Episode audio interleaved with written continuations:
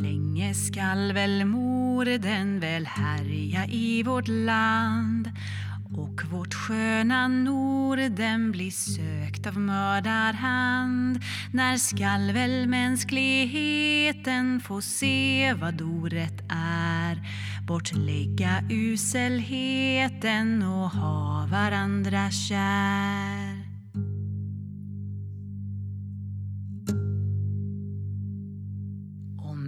Om min sång ni akten så skall jag tälja om. Hur i Nordmalingstrakten ett rysligt budskap kom som satte skräck och fasa i alla och en var. Hur nidingar ses rasa och hur som ondskan far.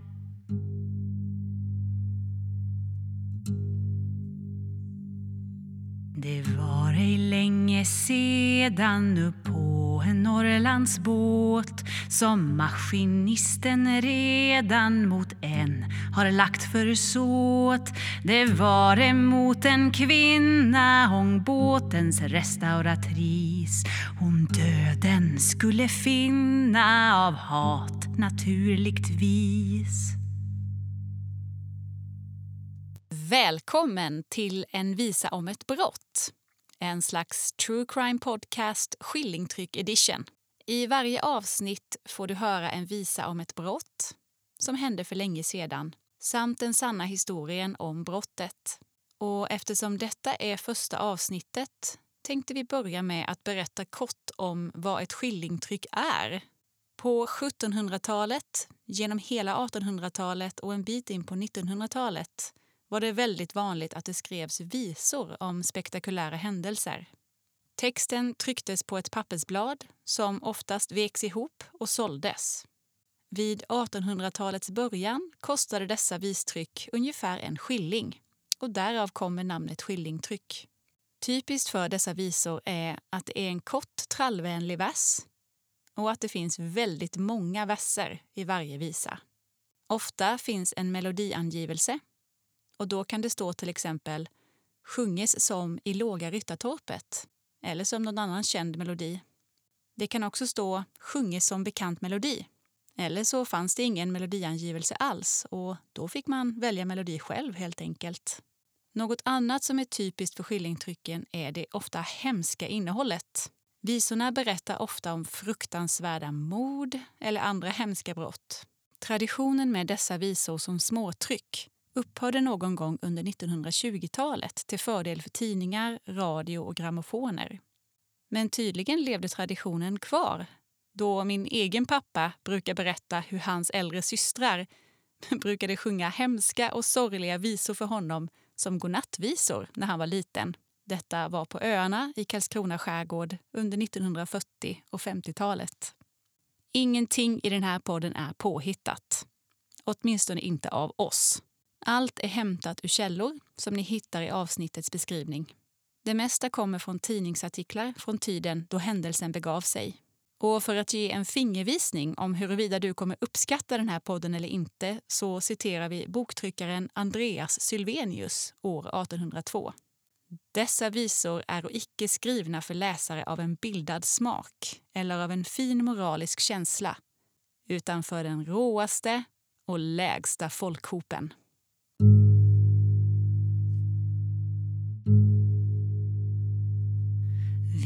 Vid maskinisten blev nekad öl vid land.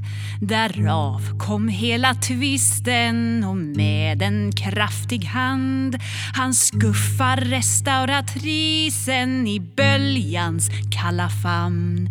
Hon dog och mordbevisen har träffat Olssons namn han blev i bojor slagen och förd till Umeå. Ty då var timman slagen, ej fri han kunde gå. Må ynglingen begråta sitt brott i fängens cell. Må Herren och förlåta sitt barn i livets kväll. Sång och berättelse om Nordmalingsdådet berättar om en fruktansvärd händelse som inträffade sensommaren år 1890. Vi läser från den 28 augusti i tidningen Umebladet. Dråp. Den 24 i denna månad låg bogserångaren Dal och Tor i Kylörns hamn. Ombord och den förra ångaren befann sig såsom maskinist Karl-Erik Larsson från Gävle. Denne gick på kvällen över åt Tor samt anhöll hos en därstädes anställd omkring 20-årig restauratris, Carolina Westerlund, att erhålla öl, vilket dock nekades honom. Varför han i vredesmod stötte till henne så att hon föll över bord med den sorgliga påföljd att då hon kort därefter uppdrogs livet redan hade flyktat. Larsson, som nekade till att ha stött flickan i sjön, har häktats och införpassats till härvarande cellfängelse. Härnösandsposten tillägger Larsson har gjort sig känd för ett vildsint lynne under rusets inflytande och Westerlunds vägran att till honom lämna öl antages jämte gammalt groll av vad föranlett dådet. Den häktade, en cirka 40 års man av kraftfull kroppsbyggnad men med ett icke just förtroendeingivande ansiktsuttryck, är gift. Han nekar. Provinsialläkaren i Nordmaling har hittills endast kunnat bekräfta dödsfallet. Liköppning förestår. Karl-Erik Larsson dömdes till fyra års straffarbete för dråp. Men efter att ha överklagat domen sänktes till slut straffet av Högsta domstolen till sex månaders straffarbete för ouppsåtligt vållande till annans död. Här skulle visan kunnat vara slut, men det visar sig att vi har bara kommit halvvägs.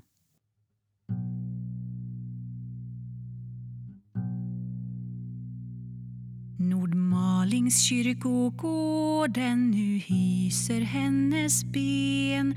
Och på den enkla vården man lade kransar sen. Men hör vad sedan hände den döda kvinnans kropp. En niding liket vände, hon drogs ur kistan upp. Fast hon låg kall på båren, jag ryser vid det ord. Hon avslets huvudhåren, det värre var en mord. Och därtill ena handen den tvärs av huggen var. Och i den mörka sanden den fanns hos offret kvar.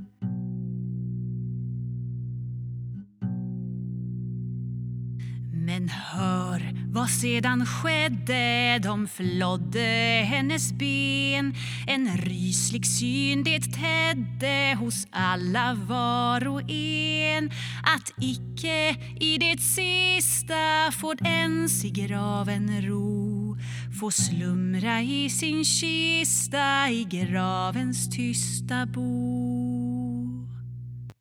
Hemsk vidskepelse.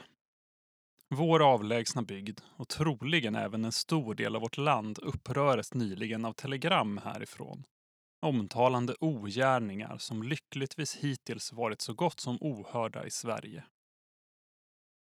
Den första underrättelsen meddelade att en restauratris vid namn Westerberg, anställd på Mo sågverks ångare Tor, blivit av en maskinist Larsson och en annan av bolagets ångare knuffad i sjön från Tors däck därför att hon vägrat servera Larsson, som var drucken, en halv butelj öl.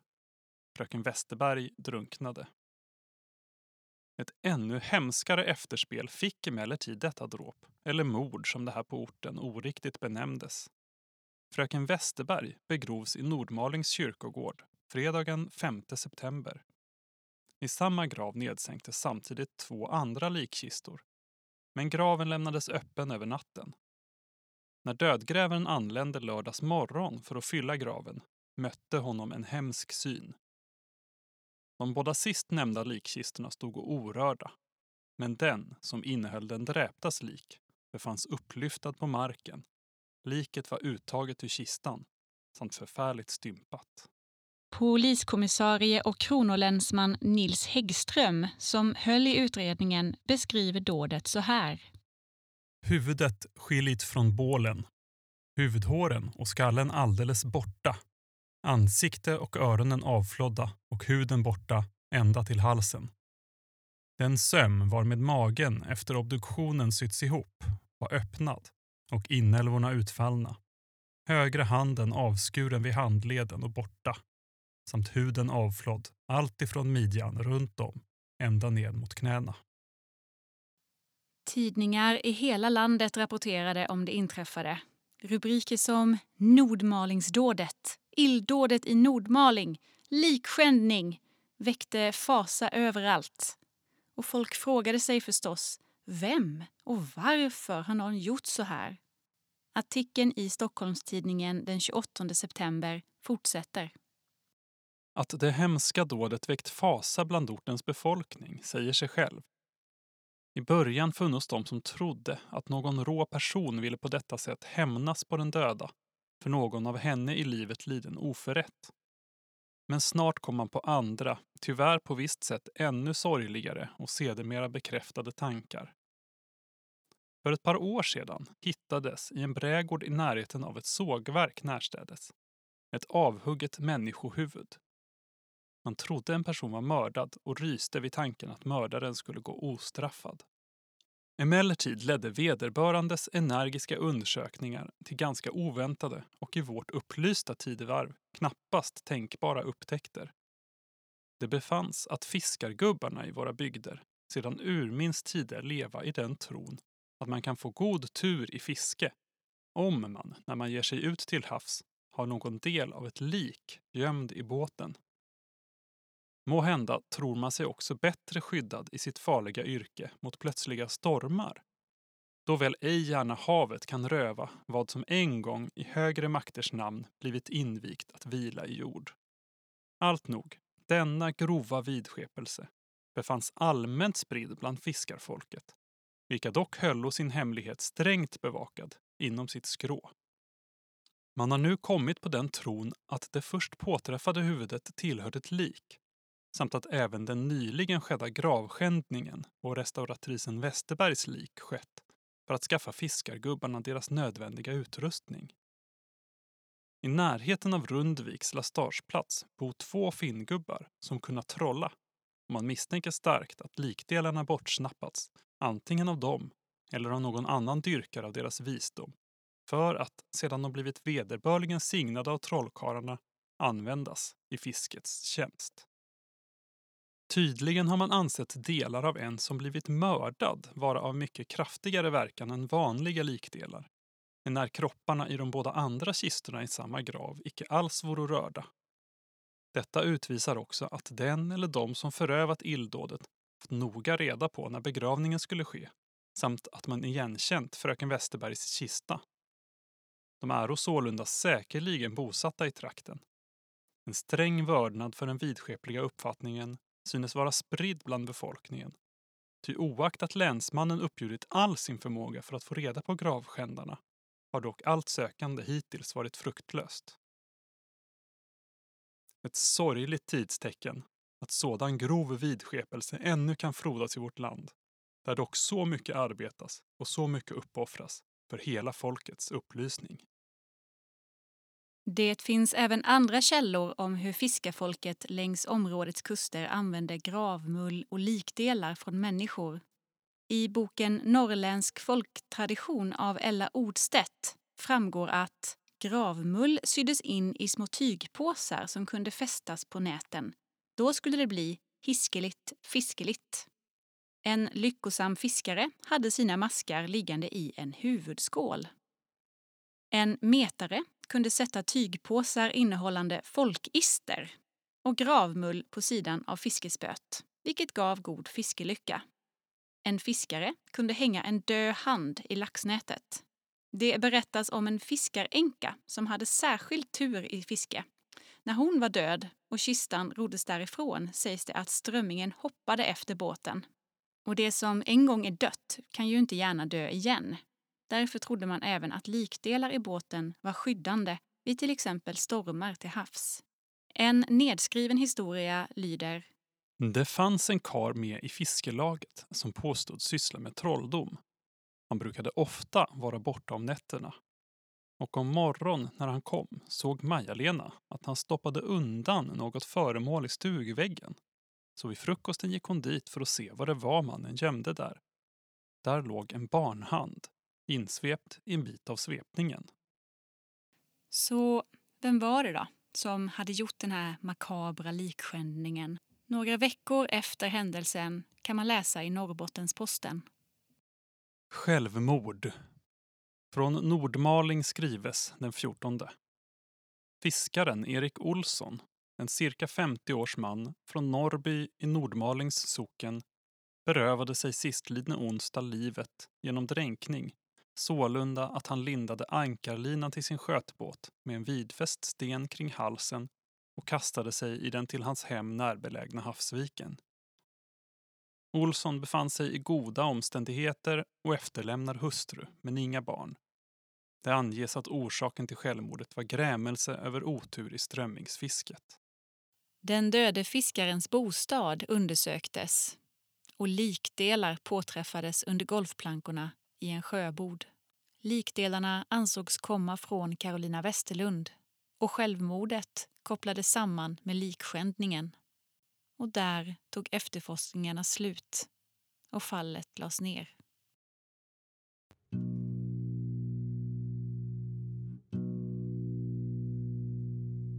Av dem bägge dera var största mördaren? Mån icke han var mera som skymfat henne sen.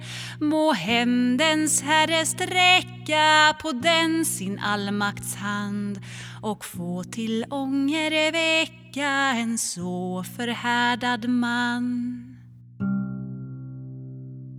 Jag slutar denna tidning, nu har jag rimmat ut.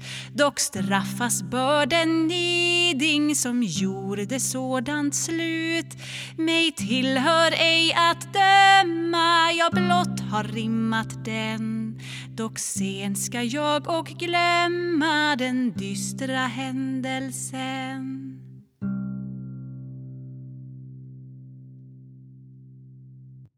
Visan Sång och berättelse om Nordmalingsdådet som den framfördes i detta avsnitt trycktes 1891 på Sundsvalls Nyheters tryckeri. Visan är författad av Lars Fredrik Ågren. Priset för småtrycket var 15 öre. Melodin som används är I låga ryttartorpet. Historien om Nordmalingsdådet återupptäcktes av Karla Sandahl och Tom Juslin och rapporterades i Västerbotten-Kuriren 2007 Sandahl forskade sedan vidare kring händelsen och skrev en artikel i Johan Nordlander-sällskapets tidskrift Oknytt, nummer 1-2 2016. Tidningscitaten i avsnittet har vi hittat med hjälp av Kungliga bibliotekets tjänst Sök bland svenska dagstidningar. Ella Odstedt är en av Sveriges främsta folkminnesupptecknare. Från 1920 till 1960-talet intervjuade hon hundratals personer runt om i Norrland om äldre tiders tro, seder och dikt. Ungefär 1500 uppteckningar sammanställdes i boken Norrländsk folktradition som gavs ut 2004. Inspirationen till denna podd kommer från Karin Strands forskning. Hon är forskningsarkivarie på Musikverket och har sedan 2013 forskat på skillingtryck och brott. År 2016 publicerades boken Brott, tiggeri och brännvinets fördärv. Studier i socialt orienterade visor i skillingtryck och en andra bok med fokus på skillingtryckens skildringar av kvinnliga missdådare är på gång. Länkar till allt detta hittar du på poddavsnittets beskrivningssida. Har du en visa från din hembygd som förtjänar att studeras närmare? Har du några andra förslag på vad du vill höra i podden? Eller har du något annat som du bara måste dela med dig av? Skicka ett mejl till kontakt envisaomettbrott.se så hörs vi. Tack för att ni har lyssnat.